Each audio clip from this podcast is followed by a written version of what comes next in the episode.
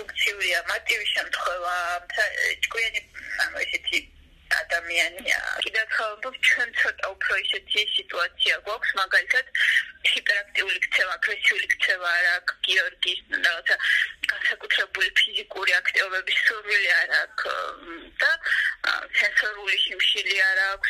თავი ის იყო, რომ რაღაცა ისე დაგვეგეკმა თვის რეჟიმი. რა ნაკლებად გაეტარებინა დრო გაჯეტებს ხორციცით.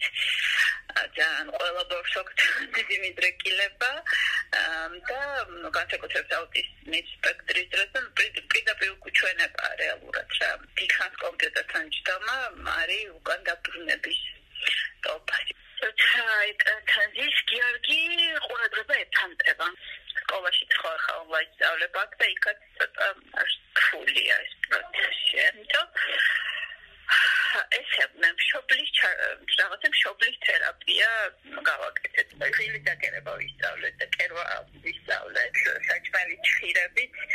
აა თქვა რაღაცა პატარა იმის პატიბულის კენკვა რომელიც ძანგაი მოტორული სავარჯიშოა.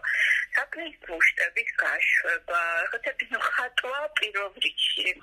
კიდე კულინარია, მეტყვი ყველაზე ისეთი კარგი სენსორული სომი, ყველა პრობლემა გაგვარეთ, და საინტერესოა თუმცა მუშაობა და იქ თუ ისეთ ჩვენს განავითარებ როგორიც თქვა ახლა ხონდა ესეთი არაბასრი განიტყოსნაულის დაჭრა ა მაგალითად ამ დღეში თავისით დაკონტროლის მომზადება ისწავლა გიორგიმ ასე ნიშნავანი უნარი მგონია რომ ხოცა დაელოდოს ეს მოშივა მე ჯერჯერობით ჯერსულად წინახევარია და ცოტა ოპტიმისტურად ვარ და ამისი ენერგიაც მაქვს და ჯერ მაგრამ ყველანი ადამიანები ვართ და ძალიან თვალსაჩინოა ეს სივრცეში სამუშაო სივრცე თქონდეს დასავლებელი სივრცე თქონდეს თერაპიული სივრცე თქონდეს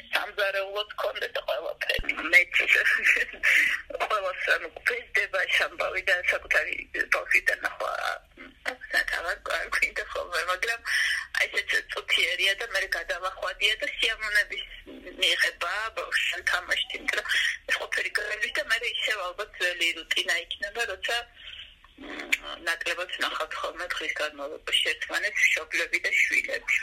ყველაზე რთული არის აი მართლა ერთ სივრცეში ჩაგეტვა ობეზრება აი ამ სივრცის როცა არის ბავშვები, რომლებიც უბრალოდ ვერჯდებიან, ხო? მთელი დრო არ ვერჯდებიან და სენსორული პრობლემები აქვს, რომ სულ უნდა იმოძრაონ. ყველა რელიგიურ სხვა პარტიის ჩემ, მაგრამ ერთი ადგილი რომ ისჩა სადილოცა და მეორე არის უბრალოდ ვერ ისჩა მდგომარეობა. 24 საათი ხარ და დისკომფორტს განიცდის შენი ხეული, იმიტომ რომ გაწუხებს ისეთი ეგოიზმი ახლა სადღაც სადღაც სიარული, არ ვიცი